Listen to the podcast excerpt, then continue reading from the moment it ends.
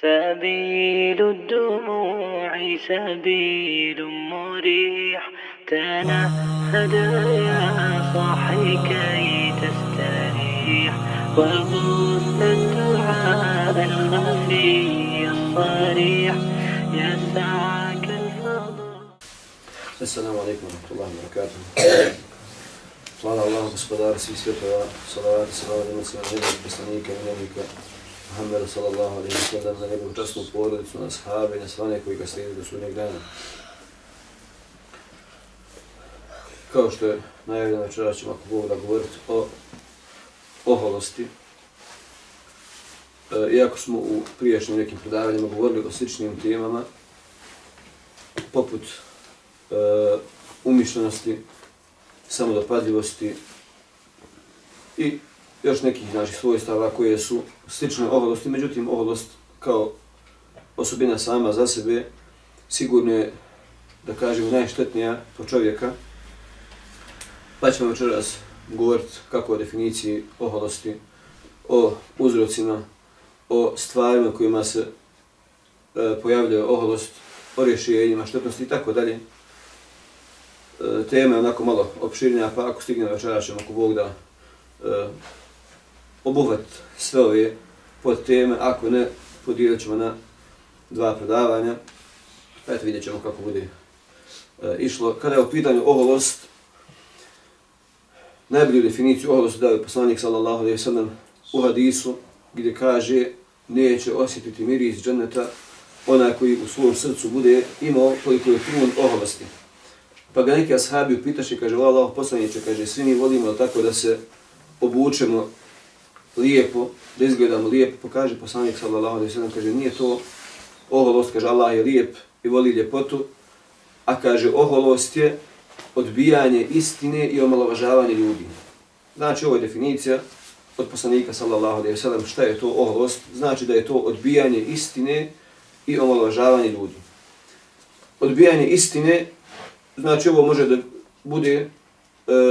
u zajednici sam bez obzira radilo sam tako o porodici, školi, poslu i tako dalje. E, pa često tako nađemo da neki ljudi ili skupina tako nekih koji su slični, pa nađu recimo nekoga koje ko se možda razlikuje u mišljenju tako od njih, iako recimo taj jedan nosi istinu, međutim oni tako pokušavaju bez obzira na tu istinu njegovu, ako recimo možda nešto imaju protiv njega, da ga omalovažavaju, da odbiju tu, jel tako, e, istinu od njega, samo iz tog razloga što su oni, da kažemo, kao raja, kao društvo, imaju tu osobinu oholosti i bez obzira što neko nosi istinu, samo zato što su oni jedni drugima, da kažemo, prijatelji, odbijaju istinu, pa je to je tako e, prvi primjer prvi, prvog dijela definicije, dok drugi dio jeste omalovažavanje ljudi, pa do te mjere, jel tako, e, da do, dolazi do toga da kod nekog pojedinca, ako ohol, oholnika tako želi da ga omalovaži, biva sa ciljem da svaku trunku dobra želi da mu negira. Znači, omalovažava ga do te granice da pokušava, jel tako, da mu negira svaku, e, svako njegovo dobro, pa makar se radilo tako o nekoj sitnici, pa bilo da se tako to e, radi na način da ga vrijeđa tako riječima, vidi kakav si, šta si i tako dalje, znači omalovažava ga u svakom pogledu. Tako da je tako ovo e, definicija oholosti od poslanika sallallahu alaihi wa sallam. E, kada je u pitanju oholost gdje se biva, prije svega oholost tako zna da se desi kada je u pitanju imetak. Ovaj primjer naći ćemo u suri Al-Kehf, kada Allah Đelešanu govori tako o dvojici mladića, pa je jednom Allah Đelešanu tako dao dva vrta koji su bili tako puni plodova, a između ta dva vrta tekla je rijeka, pa kaže on se uzoholio i kaže, kada govori o svom drugom prijatelju kojem Allah Đelešanu nije dao toliko koliko je dao njemu, pa kaže Allah im je dao i pored toga kaže još dosta tako blaga i govori mu kaže ja od tebe više imam i imetke i djeci. Znači oholi se tako sa imetkom i sa djecom. Pa ovo je iz Kur'ana primjer e, kako se oholnici ohole kada upita pitanju njihov imetak. Pa onda tako što god ima Allah Želešanu dadne e, od imetka, misli da je to u stvari njihovom zaslugom, a ne blagodati Allah Želešanu i ne razumijevajući znači te blagodati od Allaha subhanahu wa ta'ala, ohole se misleći da je to sve plod njihovog truda. Druga stvar koja je možda i opasnija jeste oholost kada je u pitanju znanje. Neki ljudi, je tako, Allah Želešanu daje im nešto od znanja, pa se oni uzohali na drugim ljudima, misleći tako kako su oni najpametniji, kako svi drugi su manje vrijedni od njih zato što njemu Allah Želešanu tako dao mu nešto od znanja i to je sigurno još gori vid oholosti nego kada je u pitanju e, oholost u imetku. Pa kada je u pitanju tako oholost u znanju, e, možemo reći da, e, i to možemo podijeliti tako na dva, na, e, u dvije vrste, a to je, znači, kao prvo, kada se, e, kada neko tako stiče znanje, koje se u stvari možda samo naziva znanjem, ali to nije istinsko znanje, već neko je tako uči, stiče znanje, samo kako bi se uzdigao s tim znanjem. Znači, nije tako e, istinski ne cilja to znanje, ili bavi se nekim, da kažemo, rijetkim, e, nekim stvarima koji nisu toliko poznate drugima, a to radi samo e, iz razloga da bi on bio poznat, da bi ga ljudi cijenili, da bi se oholio s tim. I drugo jeste da stiče znanje, međutim njegova duša je prljava duša. Znači on to znanje stiče ne radi Allah Đelešanuhu, već stiče samo kako bi se uzoholio i kako bi se uzdizao na drugim ljudima. E, također, primjeri ove vrste oholosti naći ćemo tako kod nekih koji su, što bi rekli, tek počeli da stiču znanje, pa umisle sebi kako oni su pametni, kako su oni naučili dosta od islama, preslušali par, par predavanja, pa često da tako se koristi izreka kod takvih ljudi kaže oni su ljudi i mi smo ljudi, hum riđale, nahno riđale, tako, ciljeći na ulemu, pa kaže dobro i oni su, kaže, ljudi, pričaju o vjeri, i mi smo, kaže, ljudi, pričamo o vjeri, ciljajući tako s tim da sebe uzdignu na nivo uleme, a nisu im, jel tako, do članaka. Pedne jedne prilike tako je došao neki koji je počeo u sticanju znanja, pa htio je da se raspravio tako sa nekim jednim od učenjaka, pa kaže, isto tako govori, znaš, kaže, dobro, kao vam govori, još ti se, kaže, raspravljati sa tim, tim učenjakom, pa kaže, što kaže, oni su ljudi, mi smo ljudi. Pa ovaj kaže, primjer, toga je kao primjer onoga koji stane, kaže, između dvije rijeke i mokri i kaže, čuje taj zvuk i umisli, kaže, sebi da je to treća rijeka. Čuje tako zvuk što on mokri, misli, kaže da je to treća rijeka, hoće da kaže, rijeka je rijeka, ali to što ti radiš, to nije ni blizu, ni se može tako usporediti s tim, pa isto tako i njegovo znanje, usporediti sa njegovim znanjem, jeste kao primjer, jel tako, toga je primjer rijeka koje teku. E, treći od primjera tako gdje biva oholost jeste u, u radu i u badetima. Pa mnogi ljudi tako obuzme ih oholost kada su, kada su u pitanju njihovi ibadeti, budu tako iskušani sa tim svojim ibadetima, pa kao smo tako na početku rekli, ova osobina oholost slična je sa osobinama umišljenosti i željom za ugledom i e, samodopadivosti, Tako da, možda su neki primjer tako koji navedemo, možda smo i ranije navodili, ne sjećam se uglavnom, e, osobine su slične, tako da e, neki ljudi, tako, koji možda u početku istinski ibadet Allah Želešanu učine, međutim, zbog te, jel tako, svoje, zbog tog svog ibadeta umisle sebi da su oni vredniji od drugih ljudi i onda se ohole na drugim ljudima smatrajući da su drugi ljudi manje vrijedni od njega, kako je Jel tako njega Allah Želešanu počastio s tim da on ibadeti, a drugi ljudi ne vrijede ni blizu koje on. Pa kaže poslanik sallallahu alaihi wa sallam u jednom hadisu,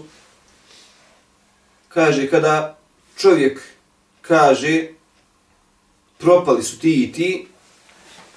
kaže on je taj koji je propao. Znači tako zbog svog ibadeta umisli sebi kako on najbolji pa vidi druge koji manje ibadete i kaže on su kaže propali. Pa kaže poslanik sallallahu alejhi ve sellem kaže on je taj koji je propao. Znači nisu oni već je on taj koji je sebe upropastio sa tom svojom ohološću.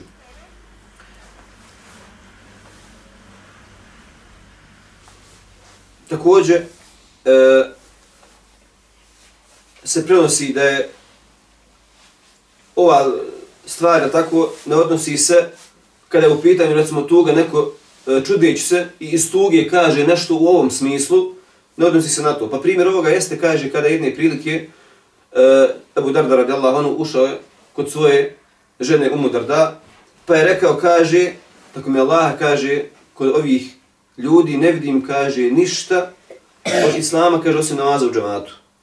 Znači, nije on to je tako rekao iz oholosti, da on kaže to kako je on bolji, kako su on došli, već iz tuge što je takvo stanje među muslimanima. Ne izdvajajući sad sebe da kaže to ja sam bolji od njih, već jednostavno e, teško mu je bilo što je takvo se stanje tako promijenilo, a nedavno tako prije toga je prestalo objava, pa znači čudio se, jel tako je Budar da kaže čudi me, jel tako zaplako je kaže da je tako vrijeme došlo, kaže nema od Islama ništa, kaže osim, osim zajedničkog namaza. Pa se prenosi od Ibn Džavzija, rahimahullah, da je rekao, kaže, neki od ljudi koji sebe smatraju zahidima, skromnima, kaže su i tekako nemarni. Znači oni su skromni, odnosno čini se njima da su oni skromni. Kaže zbog njihovog nemara i zbog toga kaže što su ti njihovi rekati, ta njihov namaz kaže zavarao ih je, pa su sebi kaže umislili kako su oni kako su oni kaže bolji od drugih ljudi. I kaže takvi ljudi misle da su oni kaže centar svijeta. I ovako Ibn Džauzi naziva, znači kaže toliko umisle sebe tako da su oni zahide, da su oni skromni, da su svi drugi ljudi tako bezvjedni. I kaže toliko sebi umisle i toliko se uzohale da misle da su oni centar svijeta. E, pa se također prenosi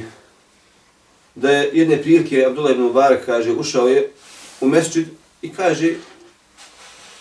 sjedio je tu tako neki pobožnjak koji isto tako bio poznat tako po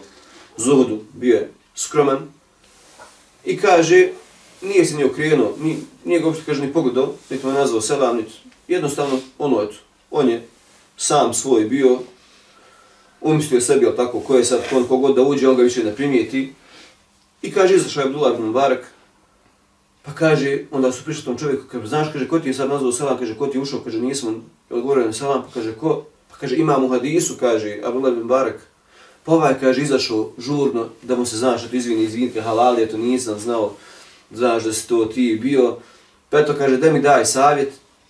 pa kaže njema Abdullah ibn Mubarak, kaže, hoću da ću ti, kaže, savjet. Nemoj, kaže, nikad da izađeš iskuće i da, kaže, pogledaš bilo koga, a da ne misliš, kaže, da on bolje od tebe.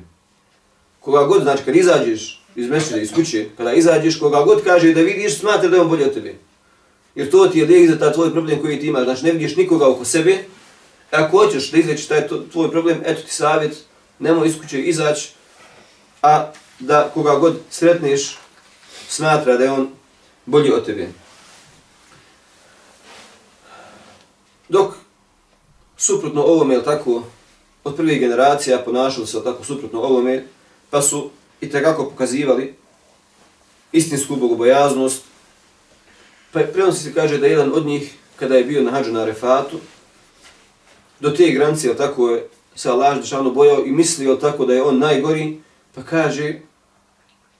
ubiđen sam, kaže, da bi svima na refatu, kaže, bilo oprešteno, kaže, da nije mene ovdje. Toliko je sebe smatro, je tako, e, malim i niskim i griješnikom, kaže, da nije mene ovdje, kaže, bio bi ubiđen, kaže, da je svima na refatu oprošteno. Ali pošto sam ja ovdje, Allah meni možda neće oprostiti, pa zbog toga ne mogu reći da će svima biti oprošteno. Znači, nisu oholili ko je ko ja, ja došao na refat, odmah mora sad da piše hađija, mora to čitav dunjalog da zna da je on bio na hađu i tako dalje, da je sad njemu sve oprošteno. Do ove grancije su prve generacije se boja Allah Želešanu i težili kod tome tako da Allah Želešanu primi njihova dobra djela i bojali se da li će njihova dobra djela biti primljena ili neće. Pa također jedne prilike e, došli su kalifi Omar ibn Ablazizu, Allah da mu se smiluje i da bude zadovoljan sa njim, kaže, šta misliš ti, kaže da kada ti presadiš da te zakopamo, sa poslanikom Sebu Bekrom i Omerom u sobi Aishno. Pa kaže njima Omer, kaže, draže mi je da sretnem Allaha Đelešanu sa svim grijesima osim širka, nego da kaže da smatram da ja to zaslužujem. Znači, toliko je smatrao krupnu tu stvar, tako, da zasluži da on bude pored poslanika Ebu Bekra i Omara,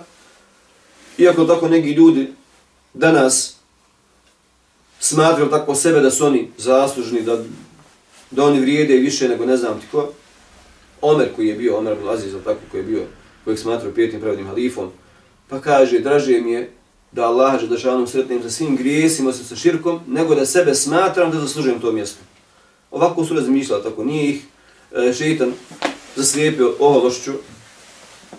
pa da razmišljaju kao oni, tako, koji sebi umisli da su najvredniji. I četvrta stvar, e, koja je primjer oholosti, koju oholost često biva, jeste porijeklo.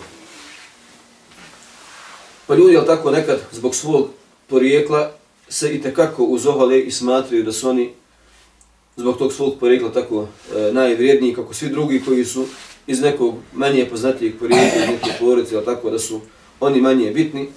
pa se ponose s tim, bilo tako da je to njihovo porijeklo muslimansko ili nemuslimansko, znači na to uopšte ne obraćaju tako pažnje, već on kaže mi smo iz tog iz tog plemena, iako možda to pleme nema veze, nema veze sa islamom. Pa se prenosi i kaže jedne prilike da je jedan čovjek, kaže, vidio sam Ebu Dharra, radijallahu anhu, kaže da je obuko bio tako jedan ogrtač i kaže njegov sluga isti, kaže, takav ogrtač nosi. Pa kaže, reče mu, o Ebu Zar, kaže, što ne ti sebi, kaže, taj isto njegov ogrtač uzao, a njemu, kaže, znači neku drugodiću, znaš, opet on je tvoj sluga, ne priliči sad, kaže, da ti nosiš isto kao što i tvoj sluga nosi, pa kaže njemu, Ebu Zer radijalno kaže, jedne prilike sam nekog čovjeka tako, kaže, opsovo ga, vrijedio ga, i kaže, spomenuo sam njegovu majku po lošem, odnosno znači po lošem, tako, po rijeklu, pa je otišao, kaže, kod poslanika, sallallahu alaihi sallam, i rekao mu, pa kaže poslanik, sallallahu alaihi sallam,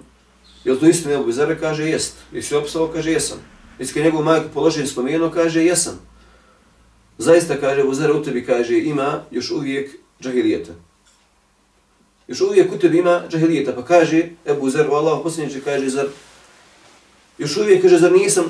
tu stvar shvatio, kaže ovim sam godinama, kaže a nisam tu stvar shvatio. Pa kaže njemu poslanik sallallahu alejhi kaže tako je Abu Zer, oni su kaže vaša braća. Misliće tako na robove i na sluge. Oni su kaže Abu Zer vaša braća, I zato kaže, ko od vas bude imao, jel tako, u svojoj vlasti, svoga brata,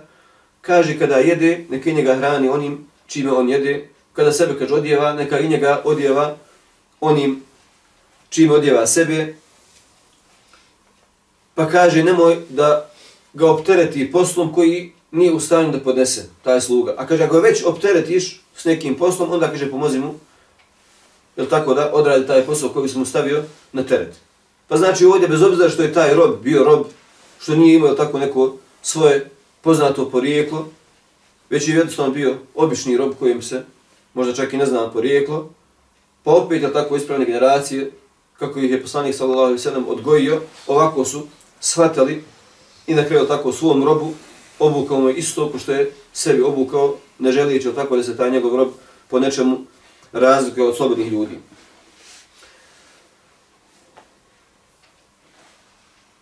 Također, e, ovo kada se kaže, kada je poslanik sa sallam rekao Ebu Zeru, zaista Ebu Zeru u tebi kaže ima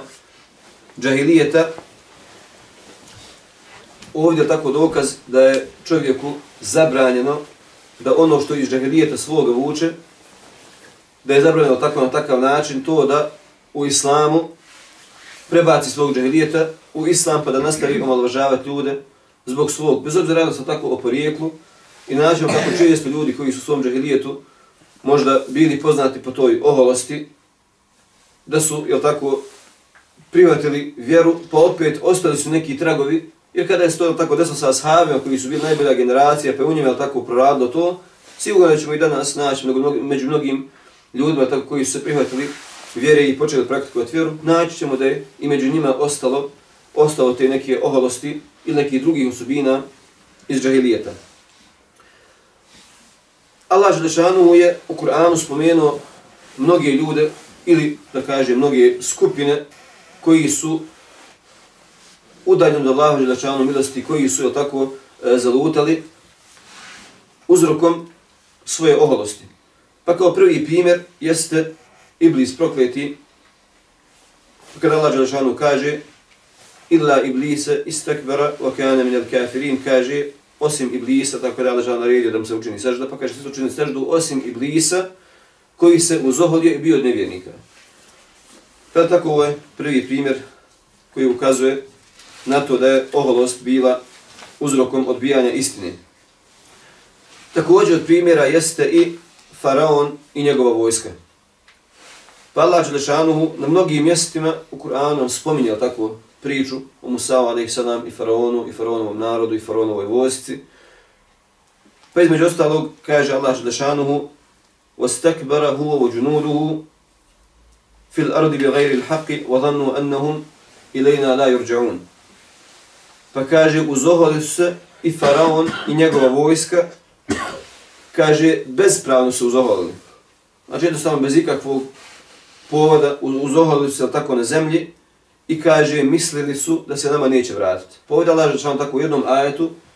spominje oholost i spominje to da su oni zbog te svoje oholosti mislili da se Allah Žešanu neće vratiti, a to je da tako stvari, od stvari koje, uz koje čovjek nikako ne može biti musliman.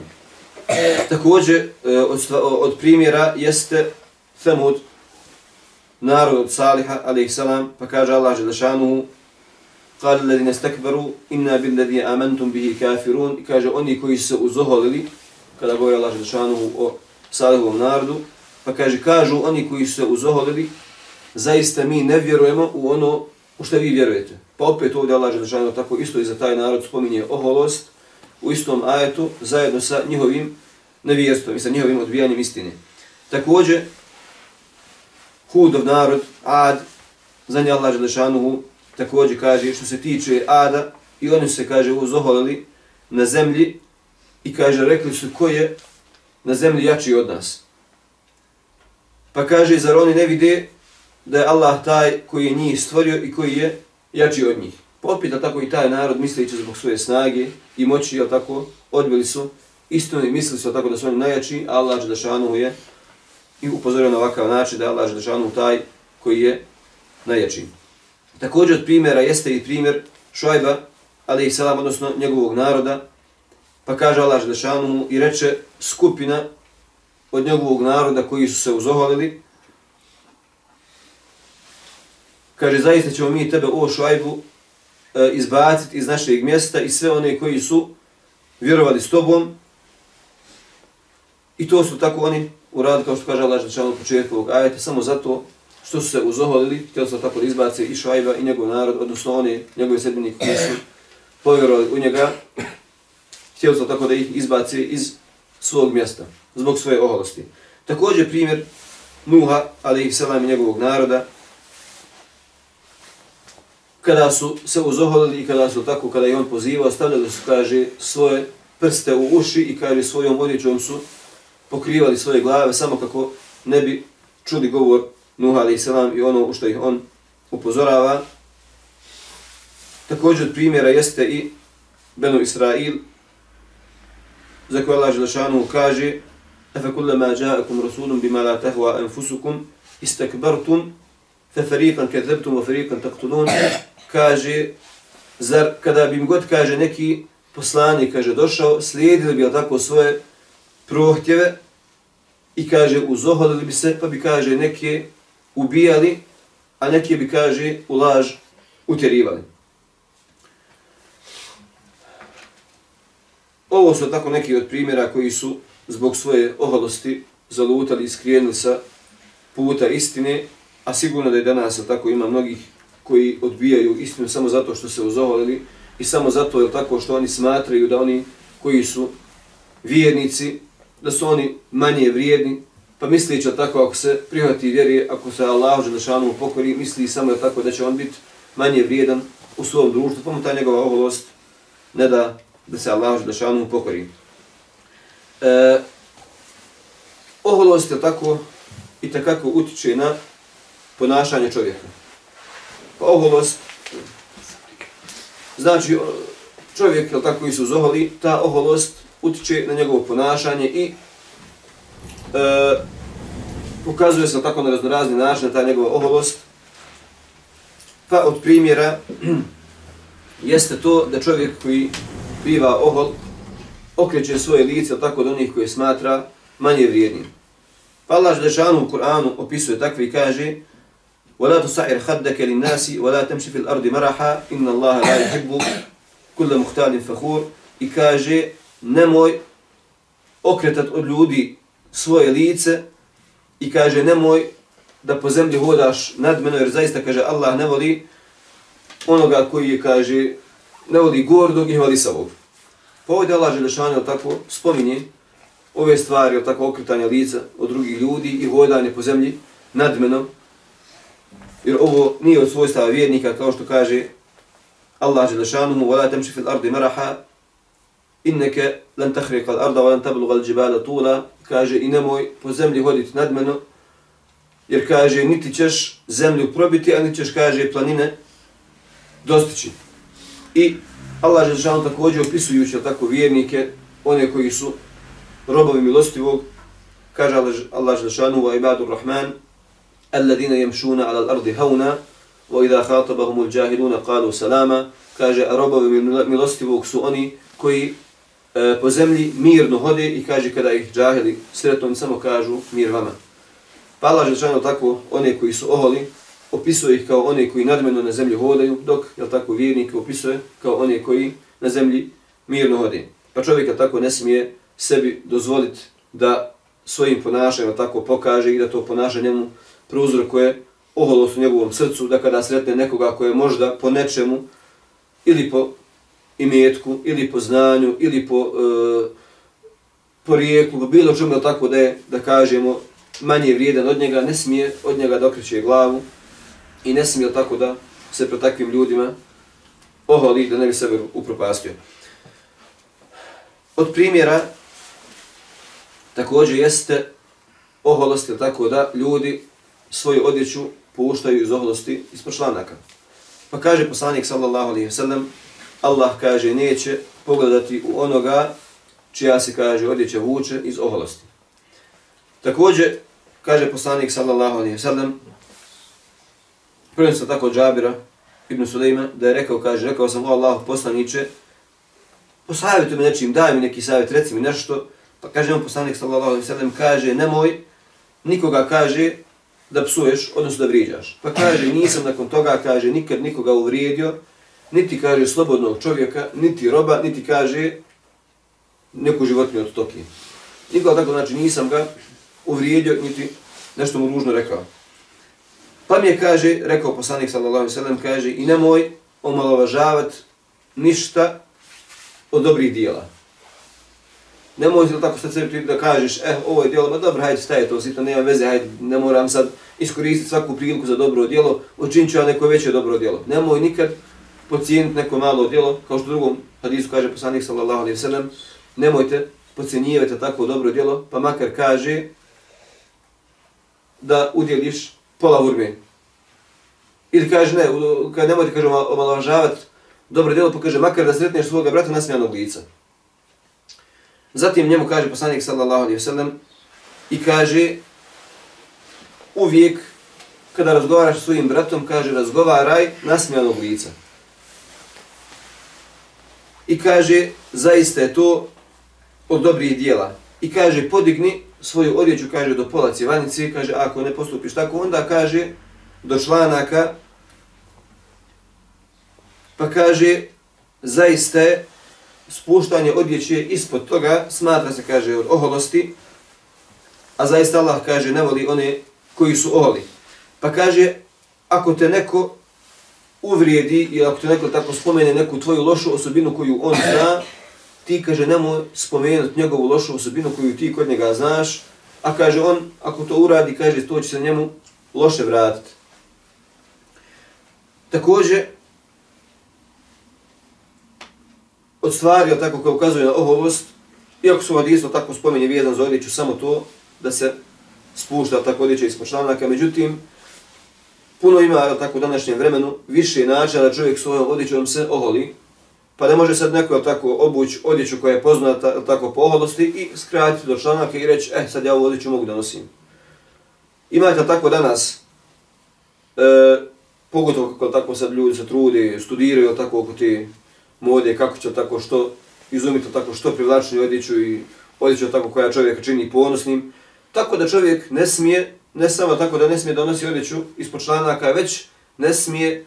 da nosi bilo kakvu odjeću koja će kod njega prouzrokovati oholost. Imate tako ljudi sad koji nije sad isto tako da ti vidiš nekoga ako se lijepo kulturno obuče, i nekoga koji obuče neku odjeću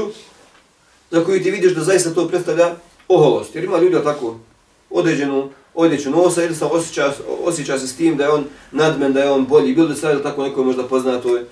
marki ili da, da, da se jednostavno radi o nekom izgledu koja ukazuje tako na njegovu, na njegovu oholost. Tako da čovjek treba da pazi ne samo o tome da gleda kolika je dužina njegove odjeće, već i način tako uopšte ono kako se odjeva da ne bi ta e, njegova odjeća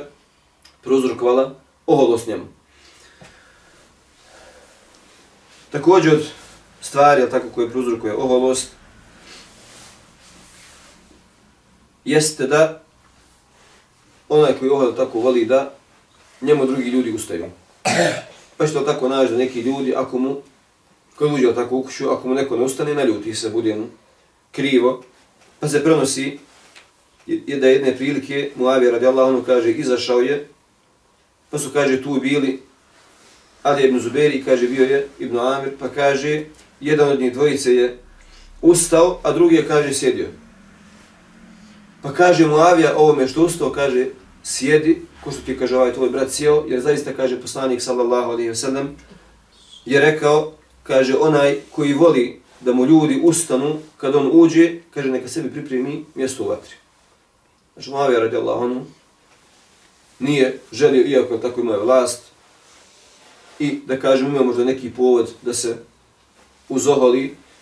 Međutim, on je bio svjestan tako ove štetnosti ove osobine, pa rekao je ome sjediti kao što je tvoj brat sjeo, jer kaže poslanik sallallahu alaihi sallam je rekao da onaj koji želi, znači nije problem da tako da neko kad uđeš u upljot neko ustane ili negdje ugo se odješ da neko ustane, nije problem. Međutim, problem je onda kada neko se naljuti ako mu drugi ne ustane. Ili kada želi tako uđe kod nekoga ili neko sjeli ili kod nekoga u kuću i očekuje da će sad njemu da se ustane. Znači jednostavno ljudi će se ako ne ustaneš. To je problem. Onako da neko nekom izrazi poštovanje da mu ustane, to nema smetnje. Već je problem tako kada neko, nečija duša teži ka tome da mu drugi ljudi na takav način izražavaju poštovanje. Također od primjera oholosti ili od stvari koje oholost prouzrukuje jeste i to da čovjek e, ili glasno priča ili tako u svom govoru ima neki stvari koje ukazuju na oholost, pa kaže poslanik sallallahu alaihi sallam u jednom hadisu, zaista kaže najdraži od vas, najdraži meni i najbliži na sudnjem danu jesu oni koji su najljepšeg ahlaka. A kaže najmrži meni, najdalji od mene na sudnjem danu, kaže jesu, pa spominjao tako tri osobine, jesu, kaže, Thartharun, a to su oni koji vole puno da pričaju, jel tako, pretjeraju, jel tako, na puno usta pričaju previše i gdje nema, jel tako, potrebe, prekoračuju mjeru. Zatim kaže, mutashaddiqun, a to su oni e, koji kada pretjeraju, tako, želi da što preciznije pričaju, pa onda tako što otvorenih usta, što punih usta pričaju, e, se previše vode, tako, brigu o preciznom izgovaranju riječi, međutim možda tu i nema nekog smisla u razgovoru, a on samo gleda da što preciznije, što ljepše da priča, puni usta priča, glasno priča i tako dalje, želeći tako da e, privuče pažnju drugih kod sebe,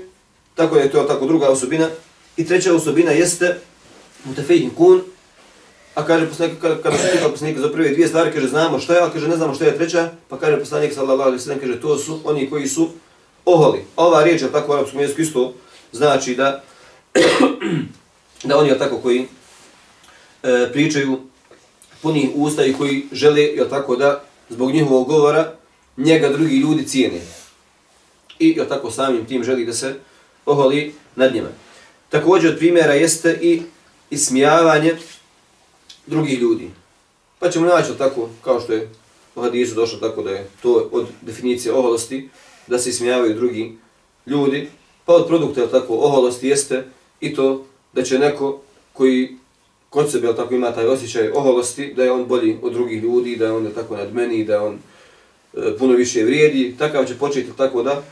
omalovažava druge ljude po pitanju ili njegovog izgleda, ili po pitanju njegovog materijalnog stanja, ili po pitanju tako njegovog e, porijekla, po pitanju bilo čega jednostavno e, želijeći da su pažnju prema sebi usmjeri, da on bude tako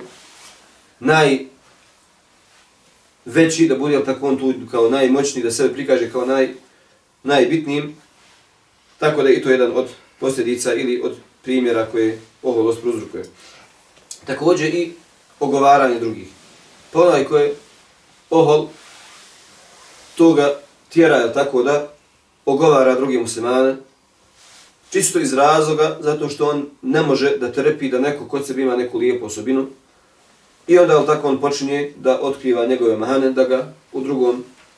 u nekom društvu, tako da ga pološem spominje, ne bi postigao to da ga i ti drugi ljudi zamrze jer ga i on mrzi zbog nečega, pa se trudi, ali tako da, e, ogovaranjem njega, njemu, umanji ugled. Također, jeste da takvi ljudi tako ne vole da se druže sa siromasima jer smatraju da su oni manje manje vrijedni, da oni ne zaslužuju tako njihovo društvo. Pa jedne prilike Allah Đelešanu tako u Kur'anu je, u kojoj je poslanika sallallahu alaihi sallam, kada je tako u početku objave u Mekki, u početku Islama, e, poslanika sallallahu alaihi sallam slijedili su ga, onako da kaže manje ugledni ljudi koji su bili tako, nisu bili toliko poznati, bili su siromašni i tako dalje. Pa došlo tako neki od mušrika kod poslanika sallallahu alejhi ve sellem kaže, otjerajte te svoje od sebe, pa ćemo onda mi razgovarat, hoćemo primiti islam ili ne, pa Allah Žešanu kaže, وَلَا تَطُرْدِ الَّذِينَ يَدْعُونَ رَبَّهُمْ بِالْغَدَاتِ وَالْعَشِيِّ يُرِيدُونَ وَجْهَ kaže, nemoj tjerat one koji Allah Žešanu dozivaju ujutro i na večer, želijeći Allah Žešanu lice. Znači, nemoj tjerat od sebe te siromahe koji od Allah Žešanu traže njegovo zadovoljstvo svojim ibadetima, da bi ti pridobio srca ovih nekih drugih, jel tako, koji kažu otjeraj ti njih, pa ćemo mi razgovarati. Pa Allah on kaže nemoj ti njih tjerat, onaj koji će tako da primi istinu, prihvatit će, onaj ko ne želi svoje oholosti, neće svakako ne prihvatiti, jer oholost sama po sebi je takva osobina da čovjeka odvraća od istine, kao što smo tako naveli primjere prijašnjih, prijašnjih naroda. Također posljedica jeste i to da e, onaj koji je ohol, takav prisjed ima i takako dosta mahana, jer ne vidi je tako, svoje mahane zbog toga što misli da je on najbolji, da je on savršen, jel tako, e, a da svi drugi manjkevi, da zbog istraživanja tuđih mahana, takav uopšte ne primijeti, ne primijeti svoje mahane. Allah Želšanuhu, opisujući njih, kaže قُلْ هَلُ نَبِّئُكُمْ بِالْأَخْسَرِينَ أَعْمَالَ الَّذِينَ ضَلَّ سَعِيهُمْ فِي الْحَيَاةِ دُنْيَا وهم يحسبون انهم يحسنون صنعا kaže hoće da te obavijestim o onima čija su djela propala pa kaže to su oni koji su je tako zalutali i koji misle da njihov trud na ovom svijetu je tako da je